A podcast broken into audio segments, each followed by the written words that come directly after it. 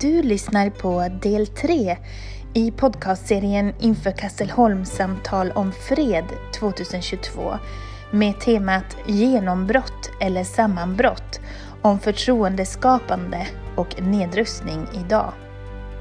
Dagens podd presenteras i samarbete med Ålands lagting och Sveriges generalkonsulat på Åland.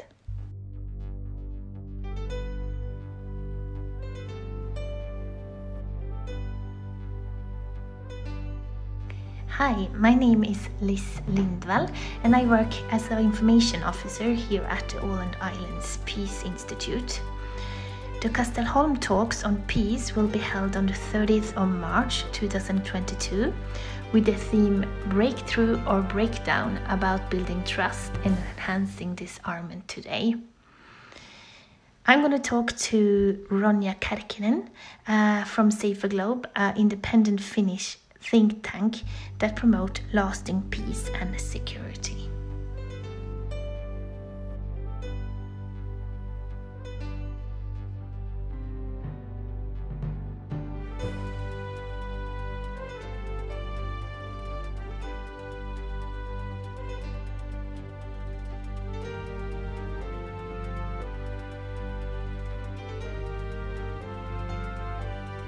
Hello, Ronja Karkinen, and welcome to this podcast. Thank you very much. First of all, Ronja, who are you? Uh, yes, I'm I'm a member of SaferGlobe, a Finnish think tank uh, that is promoting peace and, and security and uh, focusing on arms arms trade and, and also providing the uh, database of, of Finnish arms trades. And in, in SaferGlobe, I have been uh, studying uh, the EU arms uh, control mechanisms and EU arms trade. So uh, that's my, my role in the think tank. How does the trade of arms look like in the world today?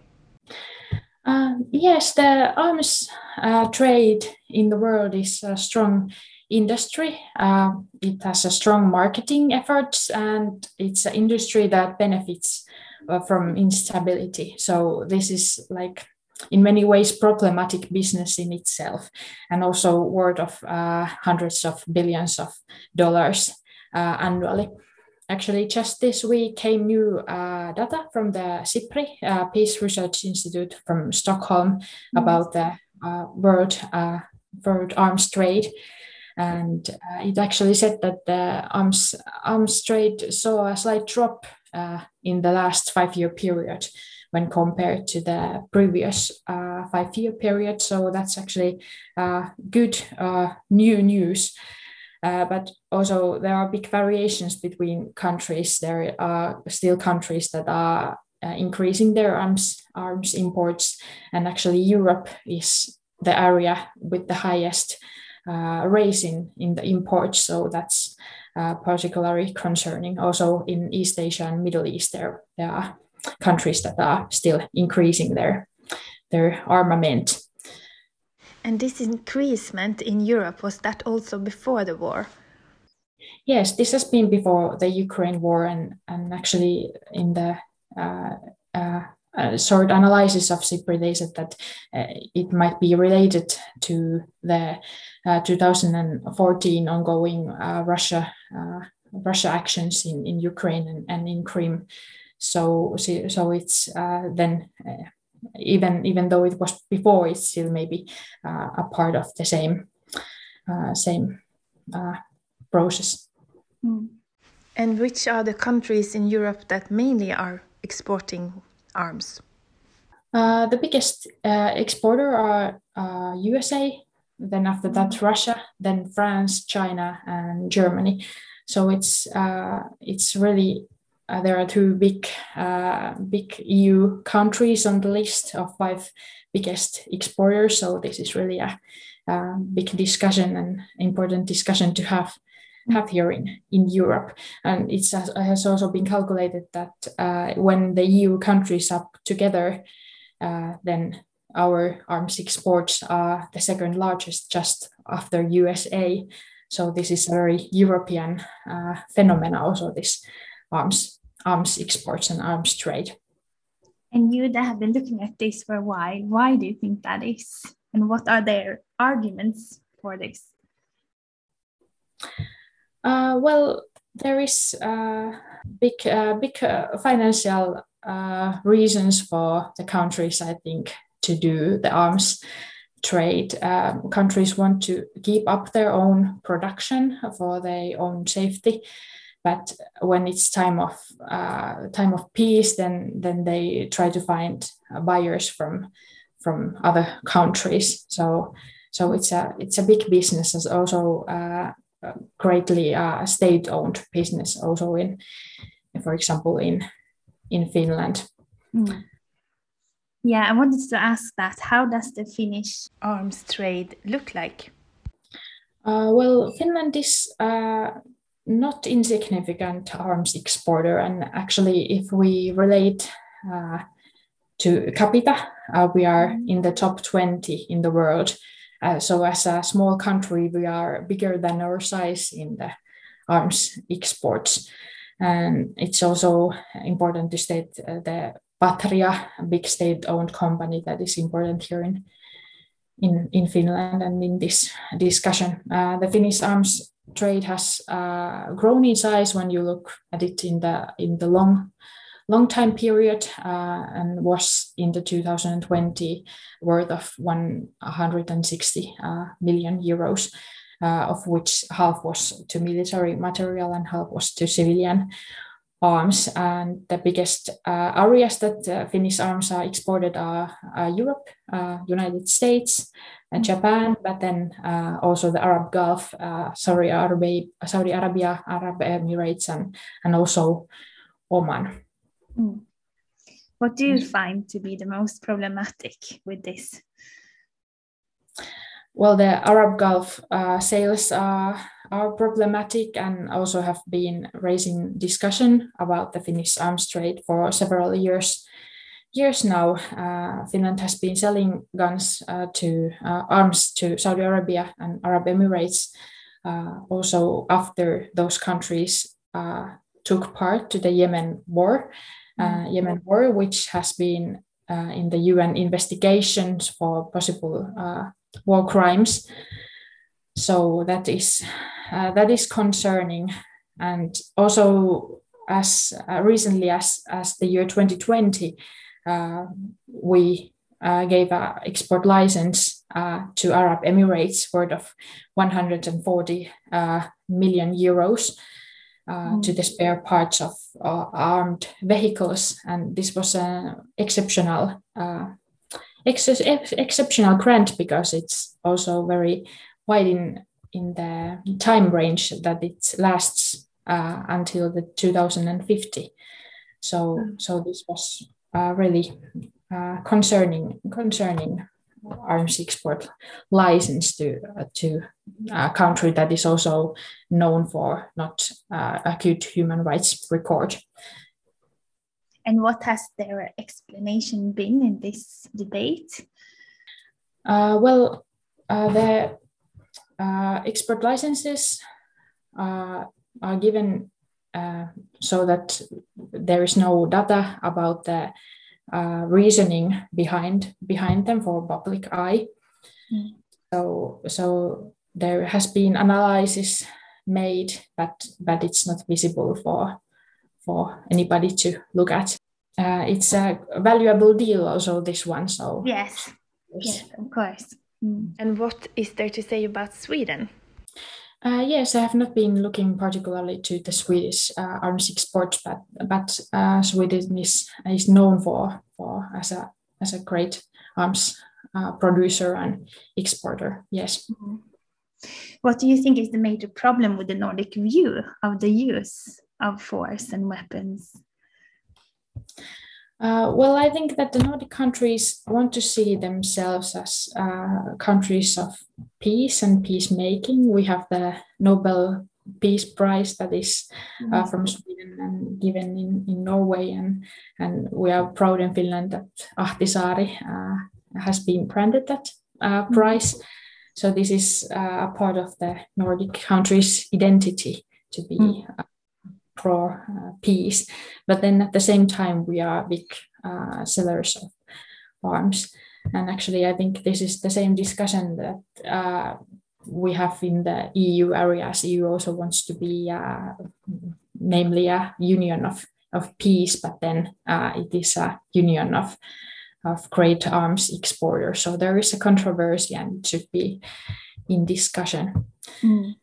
And also, yeah, yeah, more broadly, uh, it's it's about how we see to promote stability. That do we how how um, how much do we believe in promoting stability to other means than armament?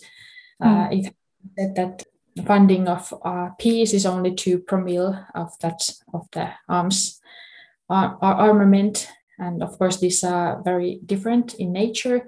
Uh, the other one is high high technology and and and production of big uh, vehicles and machines, and the other one is is is different, but but still, mm.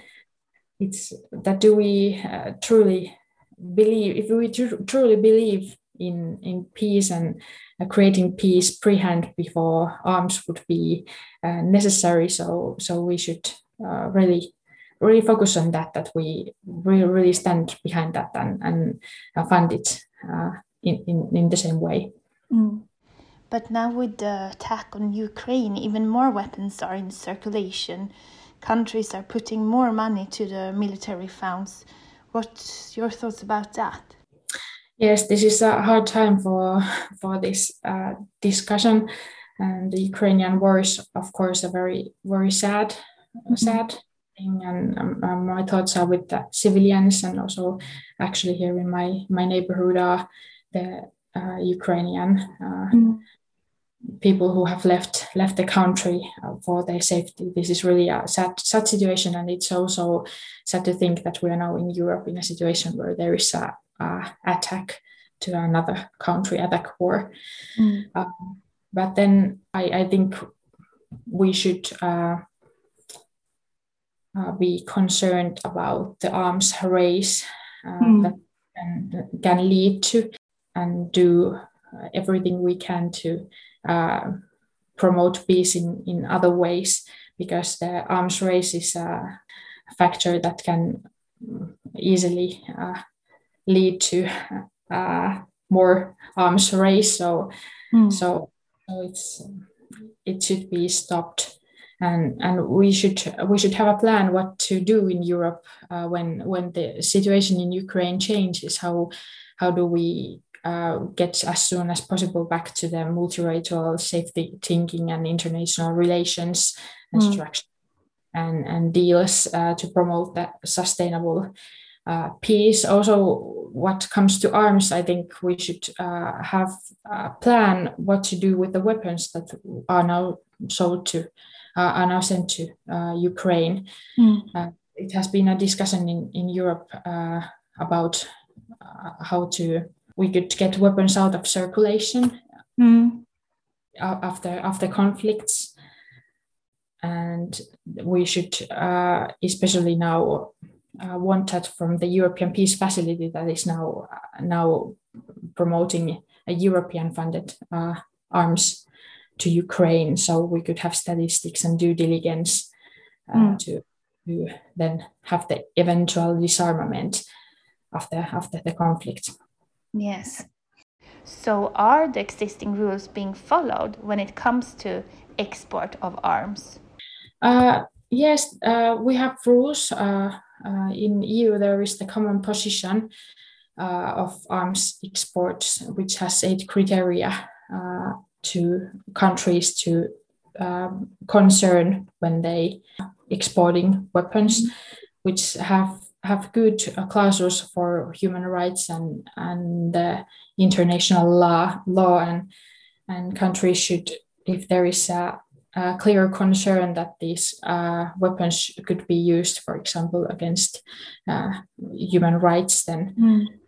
those arms should be not given the licenses but this uh, this um, uh, common position is also completely in the hands of the uh, European countries to uh, to supervise, and it has mm-hmm. been problematized in the uh, European uh, Parliament that uh, that the countries are not uh, fulfilling the common position and, and actually are, are breaking the eight criteria with their arms export licenses.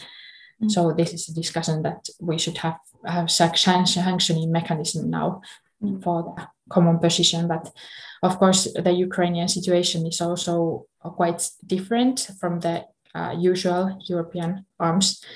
Yes, this is not sales, uh, but but mainly I I have understood giving of arms and and the uh, like drivers behind are, are different than, than normally as it's normally the economical driver.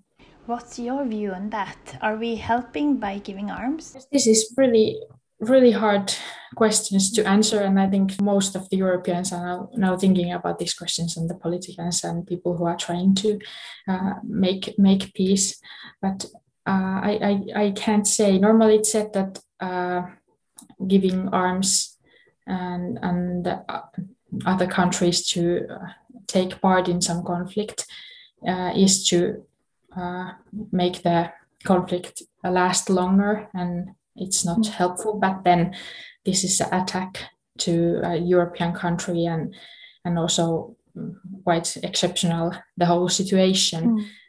We have we have, have to be together and, and help, and it's also a big safety concern for the whole whole area here. So so very uh, difficult difficult question to answer. Mm, I understand. But do you think the arms trade will be publicly more discussed now? yes, I hope that this would be more in, in discussion, uh, as it's also seen that in those European countries that there is the public discussion, uh, it's more regulated. Uh, those mm. arms trades are more regulated than in those countries that don't have the public uh, public discussion mm. about them. So it's really uh, really something that we we need. Mm. Also in the European level, I I hope that we would have more like European uh, uh, civil uh, discussion because if uh, if the arms trade would be at some point, uh, it's it's not really certain. But if if uh, for example the European Parliament view that the arms trade should be more regulated in the EU level, mm. then we need the European public discussion too because because that is so important for to to the functioning of the arms regulations. Mm. Thank you, Ronja. This is, has been really interesting. Um, just do you have something last to to say about this that you think we should know? Uh, well, I'm also uh, very uh, concerned about the climate crisis and now it's one thing that makes me really also sad with the Ukrainian war and, and the situation that uh, we still need to focus on the climate crisis. And this is really something that the world didn't need. We didn't need these uh, like man-made problems because we have this huge, uh, huge problem that concerns every single uh, like citizen on the on the globe. And and this is uh, important because uh, we still think about the security very much in the in the way of arms and uh, we we believe in in countries that arms are producing safety and and the safety is seen as a, as a, a part of, of of the arms and yes and armies. But but we need more about the safety thinking and and of of other factor, factors too and to think it more more broadly. And in that we need uh, to work together with the with the countries in the world and and really promote security in other means than arms mm. yes. Thank you ronja thank you very much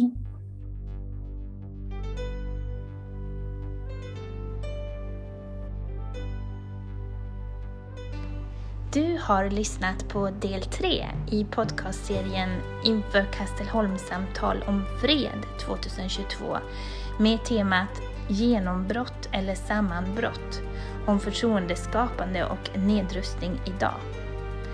Dagens podd presenterades i samarbete med Ålands lagting och Sveriges generalkonsulat på Åland. Glöm inte att titta på årets slottssamtal som sänds online den 30 mars med en panel bestående av samtalens beskyddare, president Tarja Hallonen, Stefan Löfven, Tarja Kronberg och Mikael Wigell. Mer information finns på peace.ax. Tack för att du lyssnade!